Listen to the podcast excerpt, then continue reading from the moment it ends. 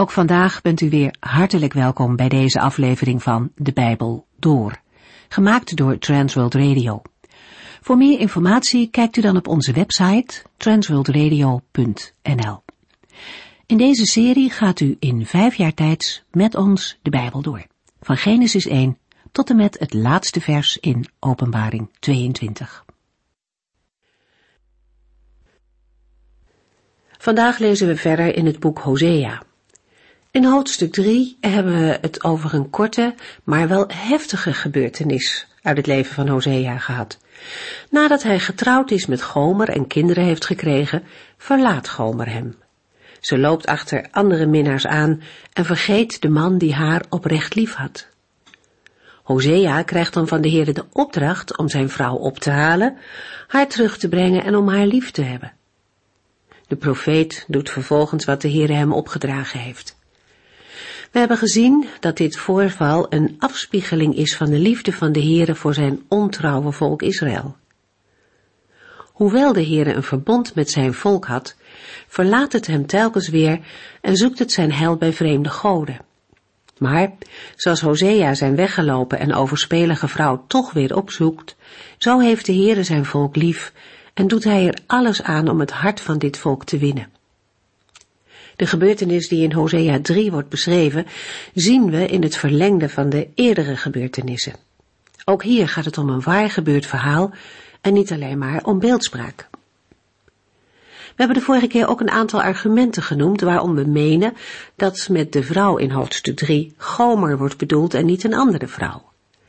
Haar naam wordt misschien niet genoemd, maar voor de profeet was het overduidelijk wie de Heere bedoelde. Het is ondenkbaar dat de Heere hem opdracht zou geven zijn huwelijk te verbreken en een andere vrouw te zoeken. Zo doet de Heere namelijk ook niet met zijn volk. Want ik, de Heere, heb Israël nog steeds lief, zegt hij tegen Hosea. En zo gaat Gods hart voortdurend uit naar zijn kinderen, ook al zijn ze soms ver afgedwaald. Hij zoekt hen op, omdat hij zoveel van hen houdt. We lezen verder in Hosea 4. Vanaf Hosea 4 zullen we niet veel meer lezen over het persoonlijke leven van de profeet Hosea. Het verdwijnt naar de achtergrond. De nadruk komt nu te liggen op de Here en het overspelige Israël. In Hosea 4 begint de oordeelsprediking van Hosea in opdracht van de Here. De aanklachten zijn buitengewoon scherp en gebruiken heftige beelden. Daarbij wordt de grootste schuld aan de priesters gegeven, die Israël in de heidense godsdienst zijn voorgegaan. Een paar keer is er sprake van een mildere stemming, zoals in Hosea 6 vers 1 tot en met 3. Maar die overheerst niet. Het volk van het tienstammenrijk, ook wel aangeduid met de naam Ephraim, is onbekeerlijk en is daarom tot de ondergang gedoemd. Daarbij ziet de profeet de ballingschap dreigen, die het land van haar bewoners zal beroven. De aanklachten van de Heere houden aan tot Hosea 14 vers 1. Dan sluit het Bijbelboek af met de verkondiging van de vergeving van de Heere. Daarbij is opvallend dat de verkondiging van Gods heil voor Israël direct verbonden is aan het geestelijk herstel van Israël en het wonen in het beloofde land. Het Bijbelboek eindigt met een naschrift in Hosea 14 vers 10, waarin ieder mens wordt opgeroepen om verstandig te zijn en de weg van de zondaars niet te bewandelen. We lezen in Hosea 14 vers 10, ieder die verstandig is, moet acht slaan op deze dingen. Hij zal dan in staat zijn ze op hun juiste waarde te schatten, want de wegen van de Heere zijn recht en rechtvaardige mensen zullen die bewandelen, maar zondaars die het proberen, zullen struikelen. In een andere vertaling lezen we, wie wijs is, geven op deze dingen acht. Wie verstandig is, erkennen ze, want de wegen des Heren zijn recht, rechtvaardigen wandelen daarop, maar overtreders struikelen er. Met de wegen van de Heere zijn recht wordt bedoeld de wegen die God in zijn wereldbestuur met de volken gaat en in het bijzonder met het volk Israël. Hier zijn niet de wegen bedoeld waarvan de Heere wil dat wij die zullen gaan. De wegen van de Heere zijn allereerst rechtvaardig, doordat de Heere de zonde straft en degene die hem dienen verheerlijkt. Verder zijn de wegen van de Heere recht, omdat Gods wegen zich dwars door alles heen doorzetten. Al moet daarvoor zijn eigen volk een tijd lang in ballingschap en moeten andere volken verdwijnen. We gaven al aan dat de prediking van Hosea, door de boodschappen die de Heere hem doorgaf, van een geweldige inhoud en een alles doordringende scherpte zijn. Hosea tekent de Heere met voorbeelden die wij niet zouden durven gebruiken.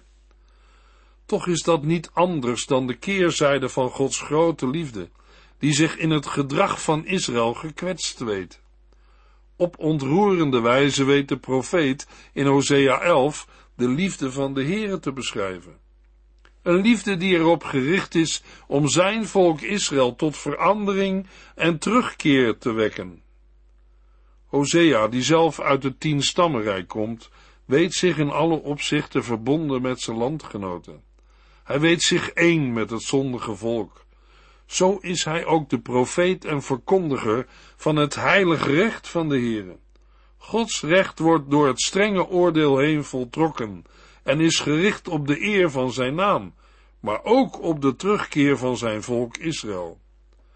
Hosea 4 vers 1 Israëlieten, luister naar de woorden van de Heere, want de Heere heeft een proces aangespannen tegen u als bewoners van dit land. Zijn aanklacht luidt, er is geen trouw, liefde of kennis van God in dit land. Na de hartverscheurende belevenissen in zijn eigen huis, begint Hosea te voelen wat de Heere over Israël voelt.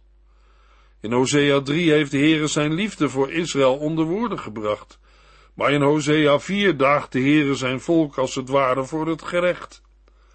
De aanklachten worden voorgelezen en de Heere geeft een duidelijke bewijsvoering.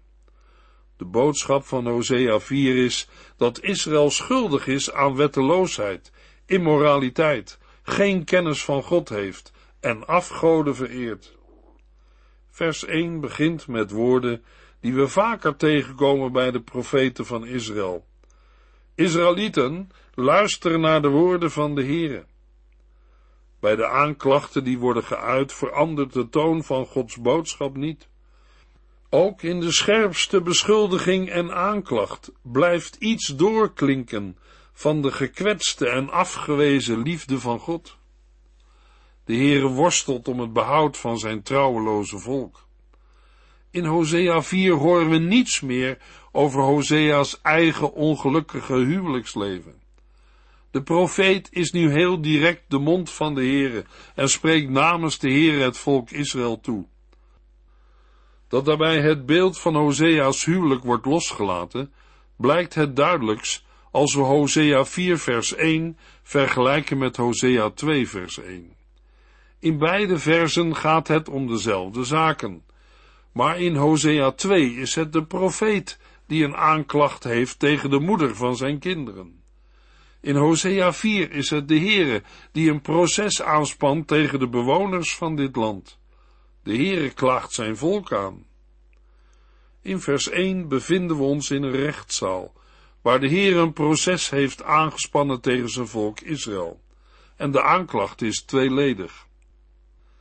In vers 1 zegt de Heere wat hij in Israël mist, terwijl de genoemde zaken er wel behoren te zijn.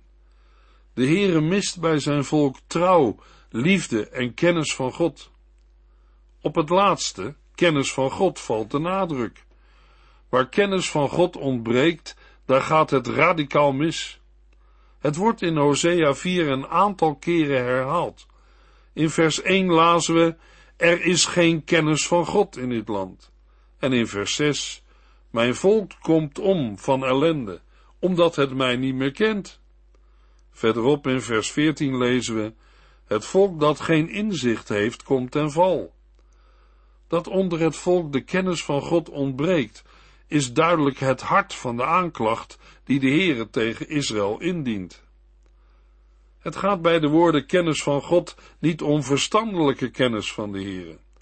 Die kennis komen we zelfs bij de duivel nog tegen, zegt Jacobus in zijn brief.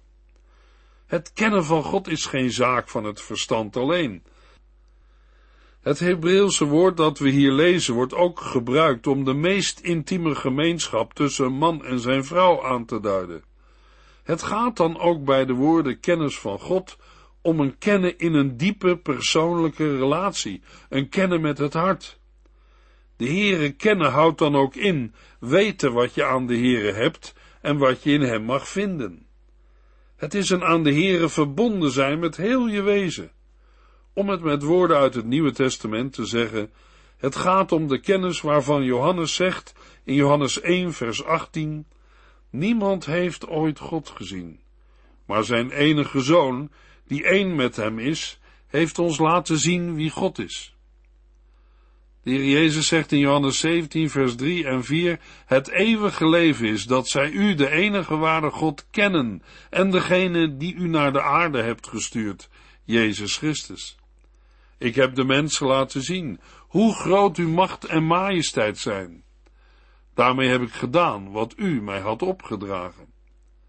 Die persoonlijke relatie tot God en die zaligmakende kennis van God, die ontbreekt Israël in de dagen van Hosea. Ze noemen zijn naam wel, maar ze zetten de Heer op één lijn met de Baals. De bewoners van het land weten niet werkelijk wie de Heer is en wat zij aan hem hebben. Tegen de achtergrond van het Bijbelboek Hosea is de aanklacht aangrijpend. De Heere als man van Israël klaagt, mijn vrouw Israël kent mij niet. Daarom is er ook geen daadwerkelijke en intieme relatie. Daarom gaat het volk verloren. En voor vandaag geldt. Daarom is het zo noodzakelijk dat de Bijbel opengaat en dat we studeren in het woord van God. Daar moeten we dan wel bij zeggen dat het bestuderen van Gods woord dan wel gericht moet zijn op het persoonlijk kennen van de Heere door zijn woord en geest. Zo wil de Heere zich vandaag bekendmaken en mensen zijn weg en wil doen leren kennen. Met eigen gedachten, beelden en ideeën over God komt de mens niet verder. De Heer heeft zich geopenbaard. Hij heeft ons zijn woord gegeven. En in Hebreeën 1 vers 1 lezen we, in het verleden heeft God op vele manieren door de profeten tot onze voorouders gesproken. Maar nu, in onze tijd, heeft hij tot ons gesproken door zijn zoon, aan wie hij alles heeft gegeven en door wie hij de wereld heeft gemaakt. Hosea zegt namens de Heere tegen zijn landgenoten, er is geen trouw, liefde of kennis van God in dit land. Het een zit aan het ander vast.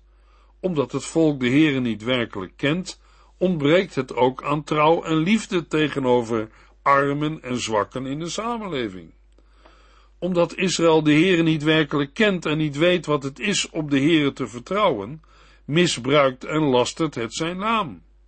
Hosea 4 vers 2 Vloeken, liegen, moorden, stelen en echtbreken is aan de orde van de dag. Overal wordt geweld gepleegd. Het ene bloedbad volgt op het andere. Met nadruk worden juist de zonden tegen de medemens genoemd. Het maakt duidelijk dat een mens die de Heere kwijtraakt, ook andere mensen kwijtraakt. Het is een fabeltje dat in een samenleving waarin geen rekening wordt gehouden met Gods rechten en wetten, de rechten van mensen wel kunnen worden gewaarborgd. De geschiedenis van de mensheid laat het ons vanaf het begin al zien. Zodra Adam en Eva van God zijn afgevallen, vallen ze ook elkaar af dan geeft Adam Eva de schuld en later slaat Kain Abel dood. Naarmate de kennis van de Heere verdwijnt, verdwijnt de betrouwbaarheid en de liefde en gaan haat, macht, geweld en eigenbelang het beeld van een samenleving bepalen. De woorden overal wordt geweld gepleegd, het ene bloedbad volgt op het andere, herinnert aan wat we in Hosea 1 hebben gelezen over de wraak van Israël, de koningsstad van Israël. We hebben erover gesproken naar aanleiding van Hosea 1, vers 4 en 5. in verband met de gebeurtenissen die we in 2 Koningen 15 hebben gelezen. Jerobiam wordt opgevolgd door zijn zoon Segaria, die nog maar een half jaar aan de regering is, als hij met zijn hele aanhang wordt vermoord door Salem. Maar Salem heeft niet lang plezier gehad van zijn bloedige revolutie, want ook hij wordt een maand later vermoord door Menachem, die dan de met bloed bevlekte troon van Israël beklimt. Het ene bloedbad volgt op het andere. Hosea 4 vers 3 Daarom ligt het land er treurig bij, en kwijnen alle levende wezens erin weg. De wilde dieren, de vogels, en zelfs de vissen beginnen te verdwijnen. De oordelen van de Heere blijven niet uit. Het welvarende Israël wordt geteisterd door grote droogte, waarbij alle levende wezens zwaar te lijden hebben onder de schuld van het volk. De wilde dieren, de vogels en zelfs de vissen beginnen te verdwijnen. Bij het woord vissen zullen we moeten denken aan de vissen in rivieren, beken en meren. De vissen sterven, omdat de waterbronnen opdrogen. Maar wie is de schuldige van dit alles? In vers 4 gaat de Heer in op die schuldvraag. Vanaf vers 4 wordt een volle beklaagde bank vermeld. Het volk zit er, de koningen, de profeten en de priesters. En allemaal kijken ze elkaar aan. Hosea 4 vers 4 Probeer uw schuld niet af te schuiven op een ander. Zeg niet dat het niet fout was, want luister, priester, mijn aanklacht is tegen u gericht. In het algemeen zijn wij mensen geneigd om eerst naar een ander te wijzen als er iets gebeurd is, waarbij sprake is van schuld. Hosea neemt ons mee naar de rechtszaal en met name naar de beklaagde bank. Degenen die er zitten proberen de schuld af te schuiven op een ander, en de eersten die worden genoemd zijn de priesters.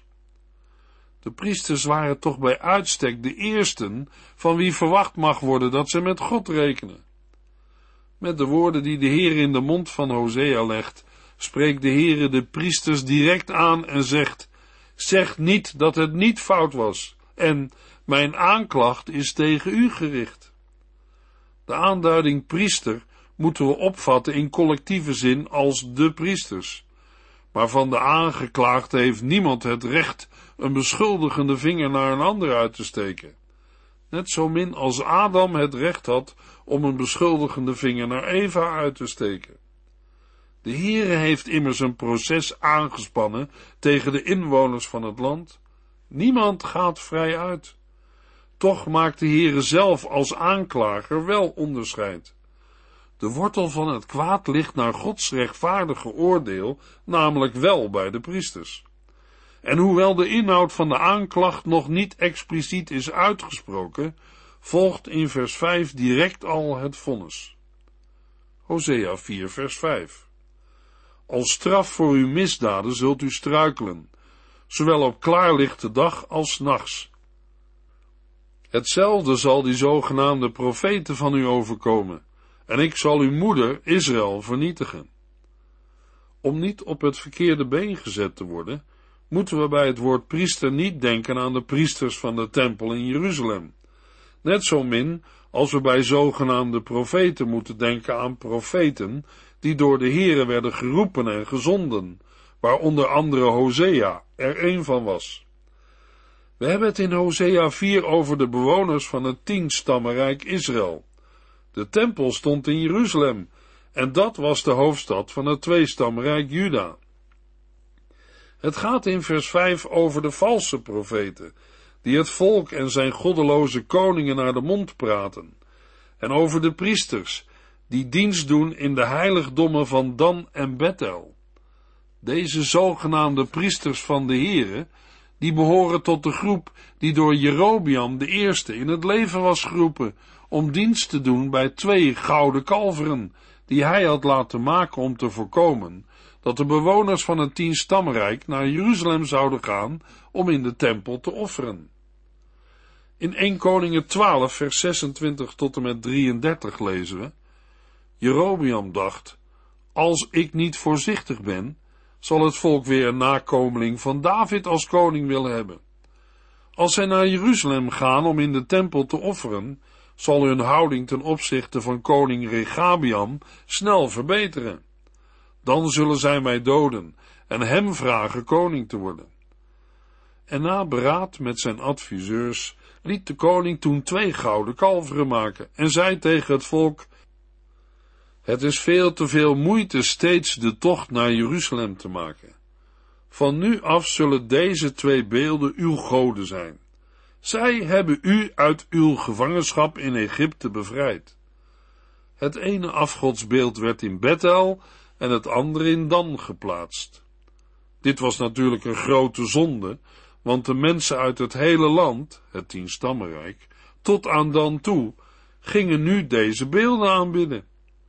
Tevens bouwde hij tempels op de heuvels en stelde priesters uit alle lagen van de bevolking aan, ook al behoorden zij niet tot de stam van Levi. Jerobiam liet afkondigen dat het jaarlijkse tempelfeest voortaan op de vijftiende dag van de achtste maand in Bethel zou worden gehouden, een datum die hij eigenhandig veranderde. Een gelijksoortig feest als dat in Jeruzalem. Hij offerde zelf op het altaar van de kalveren in Bethel en verbrandde reukwerk. Ook in Bethel wees hij priesters aan die dienst moesten doen in de tempels op de heuvels. In Hosea 4 spreekt de Heere zijn oordeel uit over de priesters en profeten die door Jerobiam de eerste waren aangesteld voor de kalverendienst in Dan en Bethel. Wat er met de priesters aan de hand is, nou, ze doen precies het tegenovergestelde van wat wij van dienstknechten van God mogen verwachten. We lezen in Hosea 4 vers 6 Mijn volk komt om van ellende, omdat het mij niet meer kent. En dat is uw schuld, priesters, want u wilt mij niet kennen. Daarom weiger ik u nog langer te erkennen als mijn priesters. Omdat u mijn wetten verwaarloosd hebt, zal ik uw kinderen verwaarlozen. Het is de roeping van een priester het volk te onderwijzen in de wet van de Heere. Zij moeten het volk onderwijzen in de kennis van God, Gods recht verkondigen, hun zijn beloften en eisen voorhouden, hen oproepen tot een leven naar zijn woord en verbond, opdat zij ootmoedig en in geloof leven en wandelen met hun God. Maar dat hebben de priesters nagelaten. Ze hebben hun eigen eer gezocht in plaats van de eer van de Heere. Ze hebben het volk niet opgeroepen hun zondige wegen te verlaten en terug te keren naar de God van Israël. In Hosea 4 vers 10b en 11 lezen we, want ze hebben verzuimd om mij de Heere te vereren. Wijn en vrouwen hebben mijn volk van het verstand beroofd. En aan het slot van vers 12, want ze hebben overspel gepleegd door andere goden te dienen en mij te verlaten. De achtergrond van de zonde van de priesters was het gebrek aan kennis van de Heer en zijn woord. Luisteraar, dat is vandaag niet anders. Als een gelovige zich niet meer voedt met het woord van God, als wij de Vader in de hemel niet meer in gebed aanroepen en we eigen wegen gaan, dan zijn we geen voorbeeld van een levend geloof met God en een vruchtbaar leven als christen. In het Nieuwe Testament worden alle gelovigen in Christus aangeduid met de woorden: U bent door God uitgekozen om koninklijke priesters te zijn, mensen die voor God zijn afgezonderd om overal te vertellen hoe goed en groot Hij is, die u geroepen heeft om vanuit de duisternis naar zijn heerlijk licht te komen. Vroeger hoorde u bij een volk dat niet bij hem hoorde. Nu bent u zelf het volk van God. Vroeger wist u niet hoe goed en vriendelijk God is. Nu hebt u zijn goedheid zelf ervaren. Hosea mag de mond van God zijn. En de Heere zegt in Hosea 4 vers 6, Mijn volk komt om van ellende, omdat het mij niet meer kent. Als het al zo belabberd met de priesters is, wat kun je dan van het volk verwachten? Als de geestelijke leiders van een volk voorop lopen in de dienst van de afgoden en de zonde, zou dan het volk wel rekening houden met de Heer en zijn woord? Luisteraar, dat is ook voor vandaag een actuele boodschap. Wat moeten wij vandaag van gelovigen verwachten als predikanten, ambtsdragers en andere leidinggevenden het woord van God geen woord van God meer laten zijn? In Spreuken 14 vers 12 lezen we, Soms denkt iemand op de goede weg te zijn, maar blijkt die naar de dood te voeren. Luisteraar, kent u de Heere? In de volgende uitzending lezen we verder in Hosea 4, vers 6. U heeft geluisterd naar De Bijbel Door, in het Nederlands vertaald en bewerkt door Transworld Radio. Een programma waarin we in vijf jaar tijd de hele Bijbel doorgaan. Als u wilt reageren op deze uitzending of u heeft vragen, dan kunt u contact met ons opnemen. Tijdens kantooruren kunt u bellen op 0342 47 8432. 0342 47 8432. Ook kunt u een e-mail sturen naar de transworldradio.nl en natuurlijk kunt u ook via de post ons bereiken. TWR, postbus 371, postcode 3770, AJ in Barneveld. Dit programma werd gepresenteerd door Cor Weda en Ike André. Techniek was in handen van Odin van Voerkom. En wij allemaal bedanken u voor het luisteren. Graag tot de volgende keer.